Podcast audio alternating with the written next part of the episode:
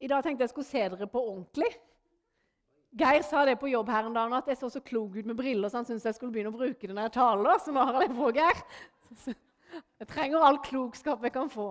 Er jeg liksom i stereo nå? Er jeg både i den og den? Nei?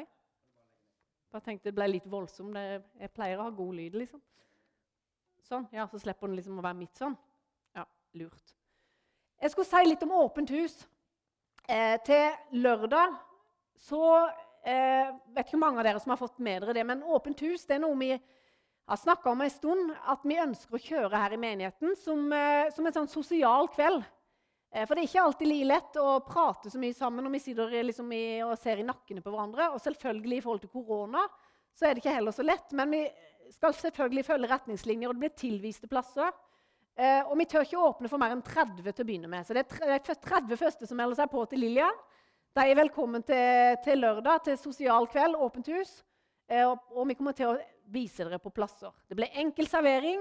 Det blir kanskje litt quiz. Forrige gang i jula når vi hadde, da kjørte vi bingo. Det var veldig gildt, ikke vel, Helga?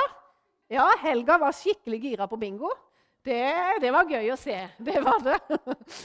Så eh, det blir enkel servering, og det blir samling rundt border. Og vi skal ha en sosial kveld i sammen klokka sju til lørdag. Så meld deg på til Lillian. Rett og slett. Var det noe mer jeg skulle si av info da? Nei, det tror jeg ikke. Da kjører jeg i gang med dagens tale. Jeg har gleda meg til det, og jeg har kjent på en spenning, og det skal han jo gjøre. Og jeg har bedt til Gud om at eh, det er Han med sin Hellige Ånd som må komme og eh, berøre hjertene våre, som Geir sa. Vi kan ikke få til noen ting. Vi kan prøve å inspirere, men det nytter ikke. Det er Den hellige ånd som må komme og inspirere og sette hjertene våre i brann. Overskriften har jeg satt. Det er 'La meg se deg, Jesus'. La meg se deg, Jesus. Du som trenger noen knagger eh, for å liksom koble hodet på, vi er forskjellige der. Men altså, jeg ønsker først å snakke litt om Golgata og den seieren Jesus vant for oss der. Og det innebærer ikke sånn veldig dypt inn i det, men litt at du skal på en måte komme tilbake til Golgata. Og så har jeg lyst til at vi skal gå inn i teksten som handler om Thomas. Thomas som er blitt kalt Thomas tvileren. Thomas han var den eh, disippelen som eh, aldri bare lata som at alt var greit. Men han, når han ikke forsto noe, eller når ting ikke var helt greit, når han hadde spørsmål, så var han ærlig. Så Thomas han var den ærlige og spørrende disippelen. Så Han skal vi stoppe litt med i dag og bruke litt tid på. Aller først vil jeg ta en historie. For eh, påska i fjor da var jeg så heldig at jeg fikk med meg Margrethe, den eldste dattera vår, til å stå grytidlig opp om morgenen. Og det er jo ikke noe ungdommer eh, elsker å grytidlig opp, men det var veldig tidlig opp. For det var før sola sto opp. Og vi skulle opp på Blåfjell hjemme på Løvjemås, der jeg kommer ifra. Og så skulle vi få med oss soloppgangen. Og ja, Jeg har sagt det mange ganger, men det er jo noe med meg og naturen at Gud møter meg der. Men det der å stå opp tidlig om morgenen, kjenne på den der litt kalde, friske lufta og på vei opp til dette fjellet så var det orrfugl som spilte. Det var jo skumring. Og vi på en måte gikk med en forventning, i hvert fall jeg. Hadde en forventning og gleda meg til å komme opp på dette fjellet. Og, og, så er det noe med den tida rett før soloppgangen. Det som vi kaller for daggry. Altså Det begynner å lysne. Det er ikke helt mørkt. Men du, du fornemmer at her er noe på gang. Det begynner å lysne. Og så er det jo noe sånn der, eh, Pga. refleksjoner i atmosfæren og alt sånn, nå skal ikke jeg late som jeg kan noe om det, ser Olje smiler der nede. Men det er verken helt lyst eller helt mørkt. Men vi kan fornemme at det er noe på gang. Vi ser det, og så kan vi faktisk erfare noe av det allerede før vi ser sola. Og så er det det skjer! Når vi står der oppe på fjellet, kan vi få neste bilde. Vi fornemmer det at det er noe på gang. Og så er det Sola dukker jo opp i horisonten i øst. Vi får se den som ned. Så kommer hun opp mektig og knall lysende.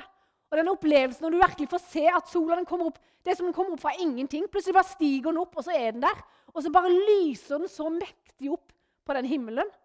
Altså, Hvis ikke du har gjort det, hvis ikke du har opplevd det noen gang før, så må jeg bare anbefale det. Det er noe kraftfullt, det er noe mektig. For meg så er det noe med at hele skaperverket det bare vitner om Guds storhet og hans allmakt når jeg får se den sola som bare stiger opp.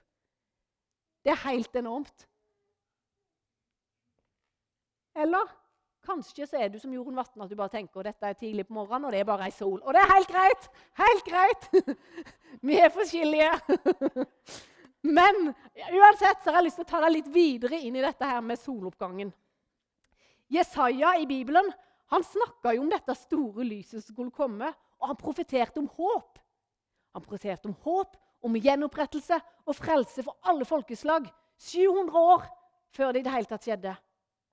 Så snakka han det. Og Zakaria, altså mannen til Elisabeth Du husker Elisabeth, som òg eh, ble gravid når Maria var gravid?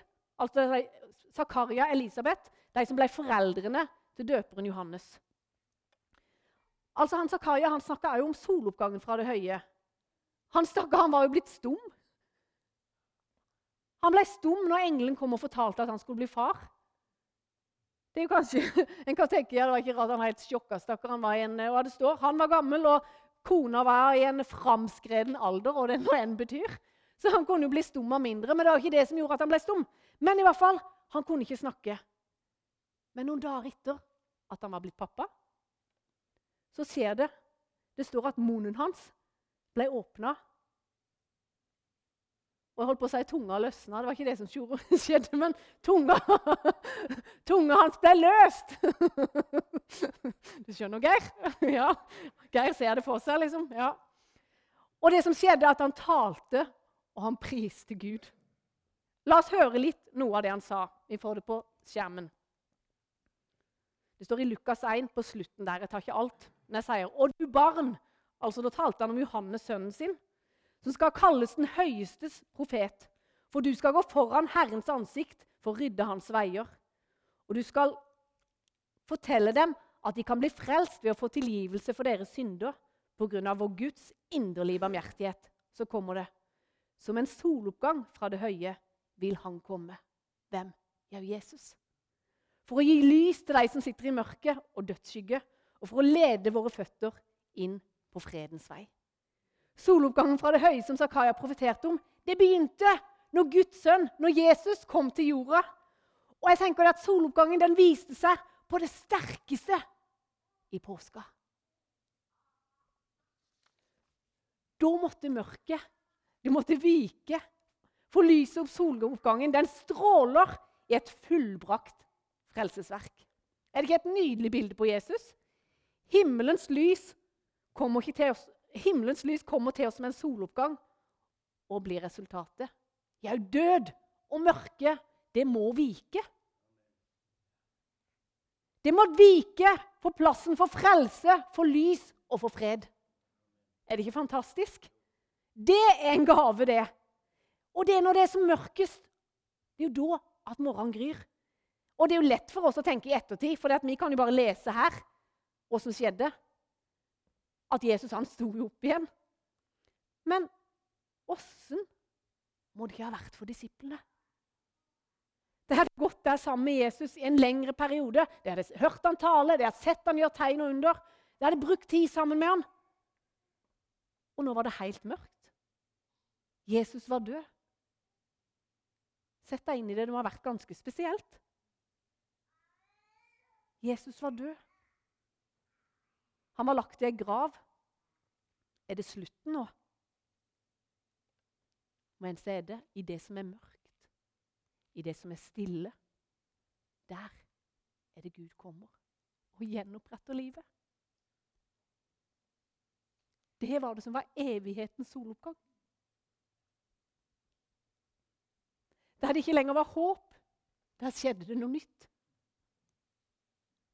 det utrolige inntraff. Det som var altfor usannsynlig til å være sant. Det kan jo ikke gå an. Det skal ikke gå an.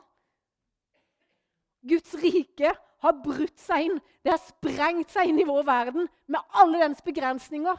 Guds rike er kommet nær dere. Oppstandelsen setter alle liv og alt liv inn i et perspektiv som ligger utenfor vår fatteevne. Det er Guds rike, dere. Påskehensen det gjør noe med vår sorg, med våre liv og med våre håp.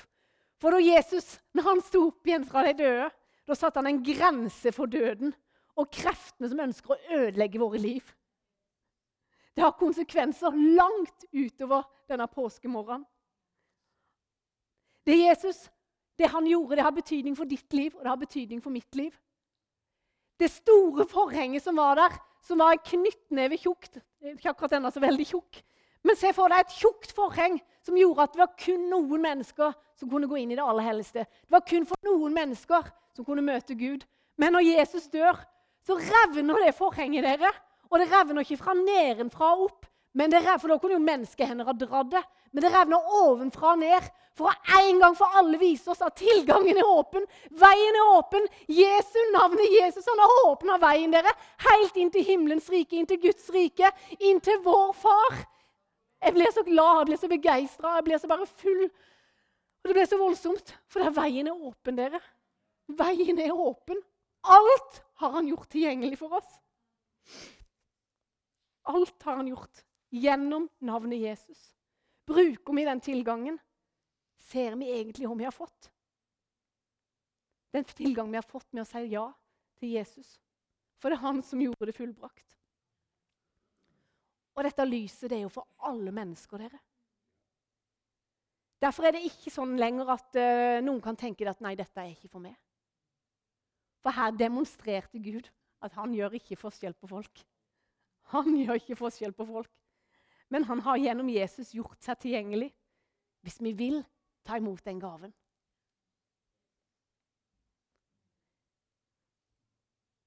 Jesus er ikke lenger i grava, dere. Han lever. Han lever. Og betyr det for oss. Og for denne påska ble helt spesiell for meg. For det er når mamma hadde valgt sangen 'Deg være ære', og jeg står henne med grava og synger den sangen, 'Deg være ære, Herre over dødens makt'. Og andre vers, 'Frykt ikke mere, evig er han med'. Jeg har aldri sett Jesus så sterkt for mine øyne. Jeg har aldri sett han så levende, for han er herre over døden. Og han sier 'frykt ikke mer'. Han sier 'frykt ikke mer' til du som sitter her i dag og kjenner på frykt. Frykt ikke mer, for evig er han med. Han har overvunnet mørket, dere. Han har seira. Jesus. Jesus. Det kan fort bli sånn at 'Å nei, dette har jeg hørt så mange ganger før'. Ja, Jesus han døde og sto opp igjen, og så er det en fin historie. Men hva betyr det egentlig for mitt liv? Hva betyr det egentlig for ditt liv at Jesus lever? Det er jo sånn at Med haugene våre så kan det være vanskelig å fatte. For det er jo ikke mulig. Det er jo et mirakel. Guds redningsplan for du og meg. Det går over vår fatteevne. Så kan vi få lov å ta det imot med tro med våre spørsmål og med vår undring. Men jeg tror at Jesus vil at vi skal komme til han med det. For før soloppgangen så er det skumring. Og Jeg vet ikke åssen det er i ditt liv nå. Om det er sånn at du ser sola, den stråler klart, eller om du kjenner at du er i den daggryet og skumring. Av og til tenker jeg at vi må være der litt i det daggryet for at Jesus på ny skal vise oss noe. For han vil på ny lære oss noe. Og Jesus han tåler din og min tvil. Her kommer jeg inn igjen på det jeg sa i begynnelsen, at vi skulle snakke om Thomas. Vi vet at Jesus tåler vår tvil ut ifra hvordan han møtte Thomas. Og jeg tenker Det er stor forskjell på det å være skeptisk og bare skeptisk til det å være ærlig og spørrende. De andre disiplene, vet du, se det for deg, de, kom, de fortalte ivrig. 'Vi har sett Herren! Vi har sett Herren!' Ser det for deg. Kinna gløda. liksom. De var så ivrige. 'Vi har sett Han! Vi har sett Han!' Begeistra. Men Thomas han hadde jo gått glipp av dette. Han hadde jo ikke vært der. Det ble bare for voldsomt for han. Nja Hvis de ikke får se de merkene og sette fingeren min inn i de naglemerkene og få legge hånda mi inn i sida hans Nei, da kan jeg absolutt ikke tro.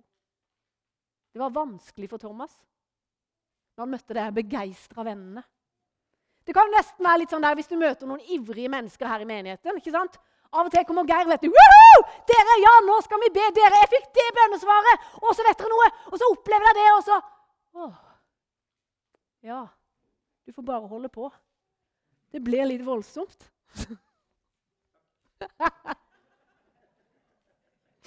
Du kunne ikke vært med. Vi kan kjenne det at Nja, jeg skjønner at du har opplevd det, men det høres jo litt usannsynlig ut. Ja, du, du får begeistre deg, du. Du får være der, du får være så høy, du. Men jeg kan ikke tro på dette. Thomas i Bibelen han taler kanskje på vegne av flere av oss. Han var den som torde å stille spørsmålet. Jeg er så glad for at det fins noen Thomaser. Og Det er ikke innlysende og lett for Thomas å tro at Jesus virkelig sto opp fra de døde. Eller for oss her å tro at han faktisk er usynlig, men han er levende midt iblant oss nå. Akkurat her vi sitter, så er han usynlig, men levende midt iblant oss. Men så er det jo det å gjøre Thomas med sin tvil eller sine spørsmål eller sine følelser. Han gjør ikke det som er fort å gjøre. Han tviler, og så kanskje nei, Han trives jo godt med det. Andre får holde på som de vil. Ja, men jeg syns det blir litt voldsomt. Det er greit, jeg får holde Gud, for å komme hit, men ikke nærmere. Jesus, la meg, la meg ha kontrollen. Så nærme, men ikke mer. Andre får holde på, men jeg vil ha det sånn. Eller Gud han er sånn og sånn, Jesus er sånn og sånn. Hvis det ikke, nei, det må være innenfor denne ramma her, ellers så kan jeg ikke ha noe mer å gjøre. Eller tvilen kan komme helt uventa på oss òg. Og tvil kan gjøre vondt. Så kan det hende at vi løper vekk fra Jesus istedenfor å løpe mot ham. Kan det virkelig være så enkelt å bli frelst? Tror jeg egentlig riktig? Og om troen min ikke er sterk nok? Dette her, det må jeg fikse opp i sjøl. For nå har jeg rota det så til at skammen den er så stor at Jesus og menighet det er det siste jeg kan forholde meg til nå. Jeg isolerer meg, og så distanserer meg, og så holder jeg meg helt vekk. Og det er fort å gjøre. Og gjør Thomas med sin tvil. For det første så er han ærlig på det. Og så tenker jeg at tvilen den fører han i en retning. En retning av Jesus. Istedenfor å løpe vekk fra Jesus, så tenker han det at eh, Og ikke bare Jesus, men disippelflokken sin òg. Istedenfor å løpe vekk, så løper han imot deg. Han vil finne ut av mer. Derfor så blir han ikke sittende, men han tar beina fatt. Han går dit hvor disiplene samles. Vi kan lese om det videre i Johannes 2026. Der står det åtte dager seinere var disiplene inne igjen. Og nå var Thomas sammen med dem. Han ville være på det stedet der sjansen var størst for å møte Jesus. Han løp i en retning av Jesus. Han holdt seg ikke bare hjemme. Og sånn går det jo òg. Når han er der sammen med vennene sine, så plutselig kommer Jesus inn, og så står han midt iblant deg. Så sier han, 'Fred være med dere.' Enda døra var låst. Jesus kom til deg denne dagen òg. Og da er Thomas der. Og han får sjøl møte den levende, oppstandende Jesus. Og Jeg elsker den måten som Jesus anerkjenner Thomas på. Og jeg ser det for meg, at Jesus bare snur seg mot Thomas.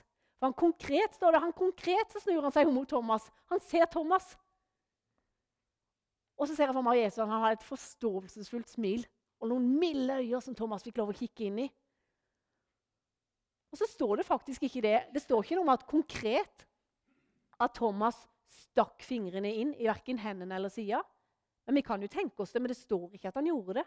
Men hva er det det står? Ja, det står i ren respons så bryter Thomas ut 'Min Herre, min Gud!' Han fikk et møte med Jesus. Han fikk et enormt møte med Jesus, dere som gjorde at han i ren respons Han måtte bare utbryte det ut i at 'Du, Jesus, du er min Herre. Du er min Gud.' Jeg, jeg drar det jo enda lenger, for jeg forestiller meg det at når han virkelig får møte Jesus, at han bare faller ned på kne foran Jesus, og sannsynligvis med blanda følelser.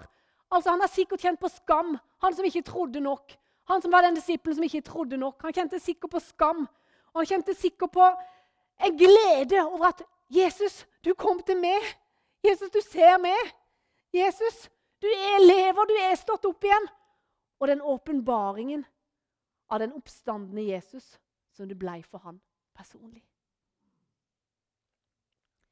Han var faktisk den eneste av disiplene som direkte tiltalte Jesus som sin Gud. Det skjer en så tydelig endring hos Thomas. For å være tvilende, fra å være usikker, så plutselig så står han der og erklærer Jesus som sin herre og Gud. Thomas tvileren han blir nå Thomas bekjenneren. Har du tenkt på det? Hans tvil og skuffelse ble bytta ut med kallet til overgivelse. Han går fra å være full av tvil til at hjertet blir fylt med en tillit. Og han bryter ut. Min Herre, min Gud. Hvordan skjer dette, da? Hvordan, hvordan kan jeg få en ny og levende åpenbaring av Jesus? Hvordan kan det skje i mitt liv? Jeg tror ikke det er noen enkel løsning på det. En personlig åpenbaring om den levende oppstanden i Jesus det er ikke noe vi kan planlegge eller produsere. Men jeg tror kanskje det fins noen nøkler som Jesus vil vise oss. Thomas han var ærlig, og han tok noen steg i retning av Jesus og fellesskapet. Jakob skriver i sitt brev at hvis vi oppriktig søker Gud og holder oss nær til Han, da skal Han holde seg nær til oss. Eller i Jeremia 29 står det dere skal søke meg, og dere skal finne meg når dere søker meg av hele deres hjerte.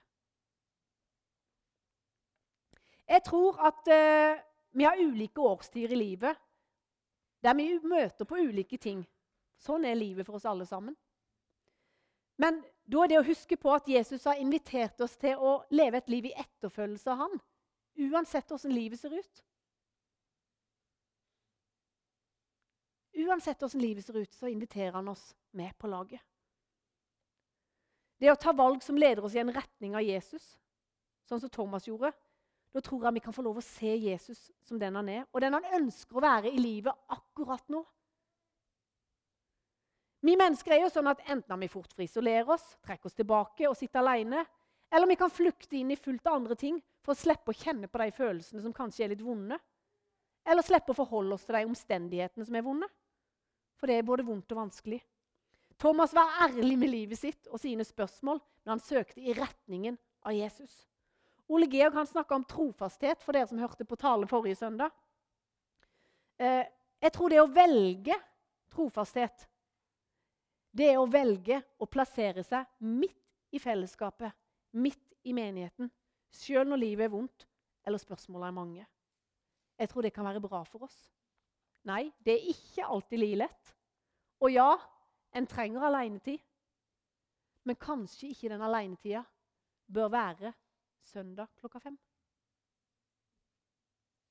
Jeg har trengt mye alenetid nå. Og jeg har trengt bare å hvile, og jeg har trengt å grine. og jeg har trengt at Av og til har jeg ikke orka tanken på å treffe mennesker, for det har vært slitsomt.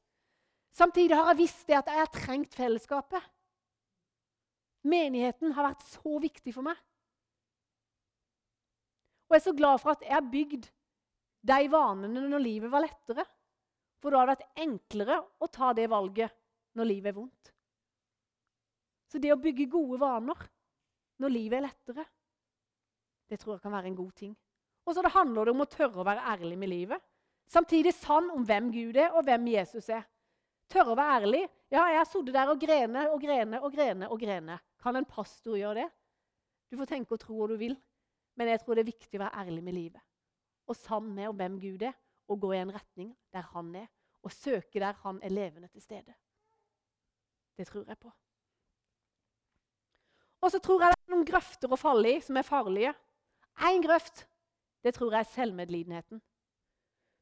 Stakkars meg. Nå har jeg det tøft. Ingen skjønner hvor vanskelig jeg egentlig har det nå.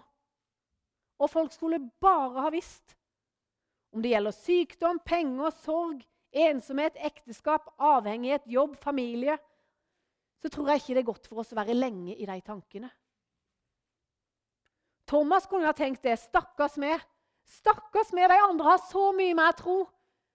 Nei, jeg er ikke god nok. Og så kunne han begynt å bare sammenligne seg med de andre. Men han gjorde det ikke.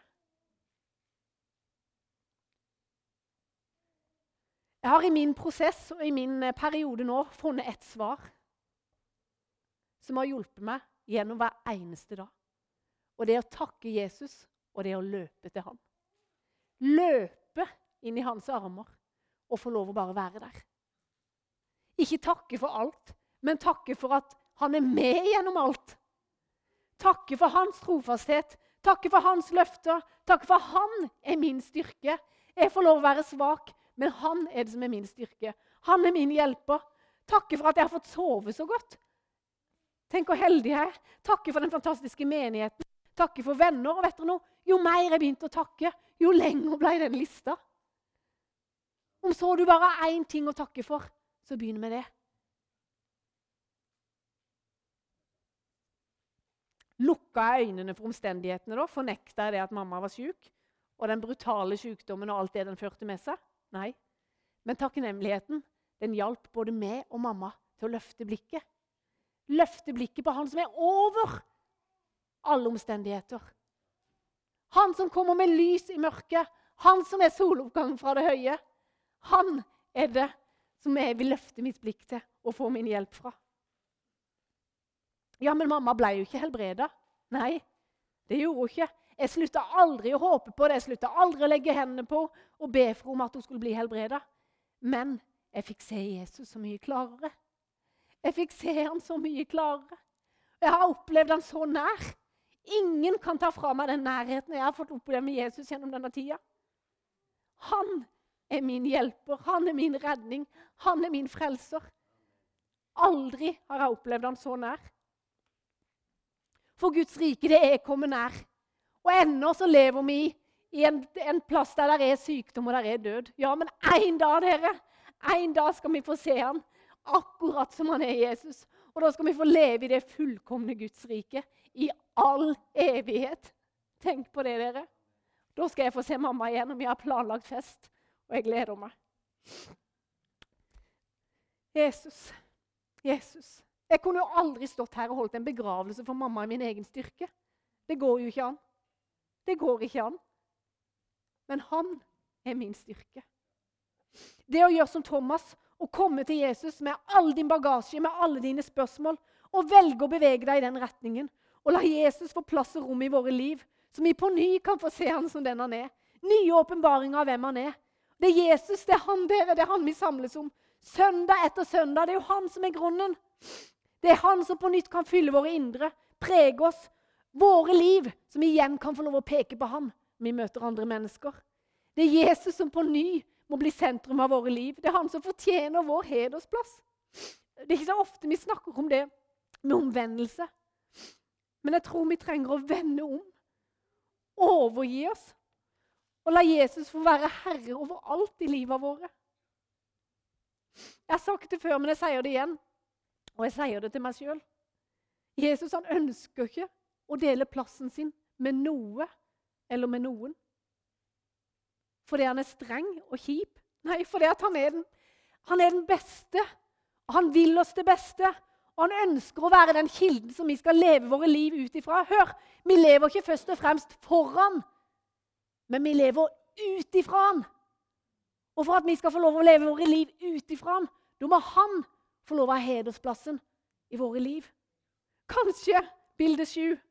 Kanskje det er på tide å låse opp alle de stengte dørene Dra opp rullegardinene og la Jesus få lov å slippe til på alle områder av livet våre. Vi har snakka sammen som Geir sa, i tilsynsrådet, og vi har noen verdier som vi vil bygge menigheten på.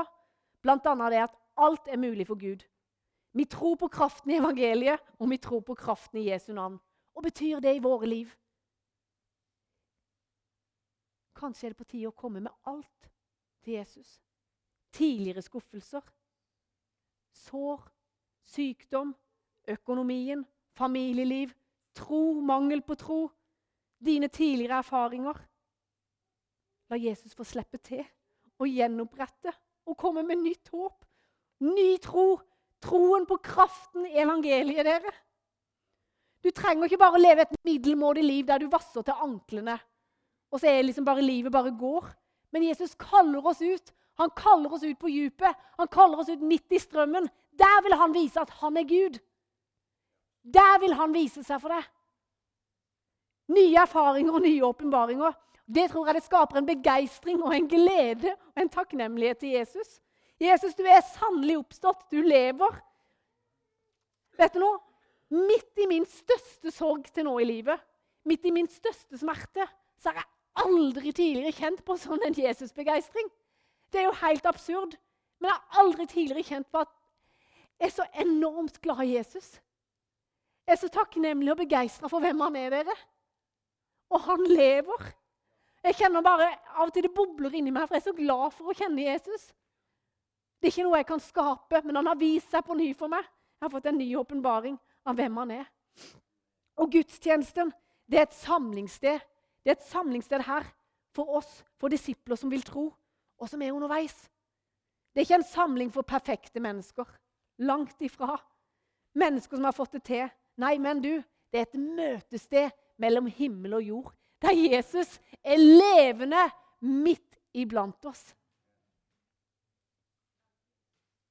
Her forsvinner ikke nødvendigvis all tvilen, men det kan bli født en tro. Den som helst vil bli i tvilen, den har ingen grunn til å oppsøke verken gudstjeneste eller andre kristne samlinger. Men la oss bli som Thomas, som lar tvilen eller mangel på tro føre oss i en retning av Jesus. Jeg tror at som Thomas så trenger vi som menighet og enkeltpersoner å få en ny åpenbaring av Jesus og få se ham som den han virkelig er. Den levende og oppstandende Jesus. Og jeg tror at Jesus vil vise seg for oss. Han vil vise seg for du, akkurat du. Lovsangere, dere kan straks komme fram. Og jeg tenker det at At vi sammen skal knele ned med korset. Om bare symbolsk, men knele ned med korset og si det at Jesus, her er jeg. Jesus, jeg søker i en retning av du, Jesus. Jeg kommer med mine spørsmål, jeg kommer med mine erfaringer, min mangel på tro. Uansett hva det er for noe i ditt liv. Så la oss søke i en retning av Jesus. Han er levende til stede midt iblant oss. Han vil møte deg.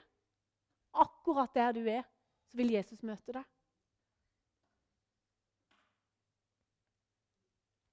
La oss be. Jesus, jeg bare takker deg Jesus, for at du er den levende og den oppstandende.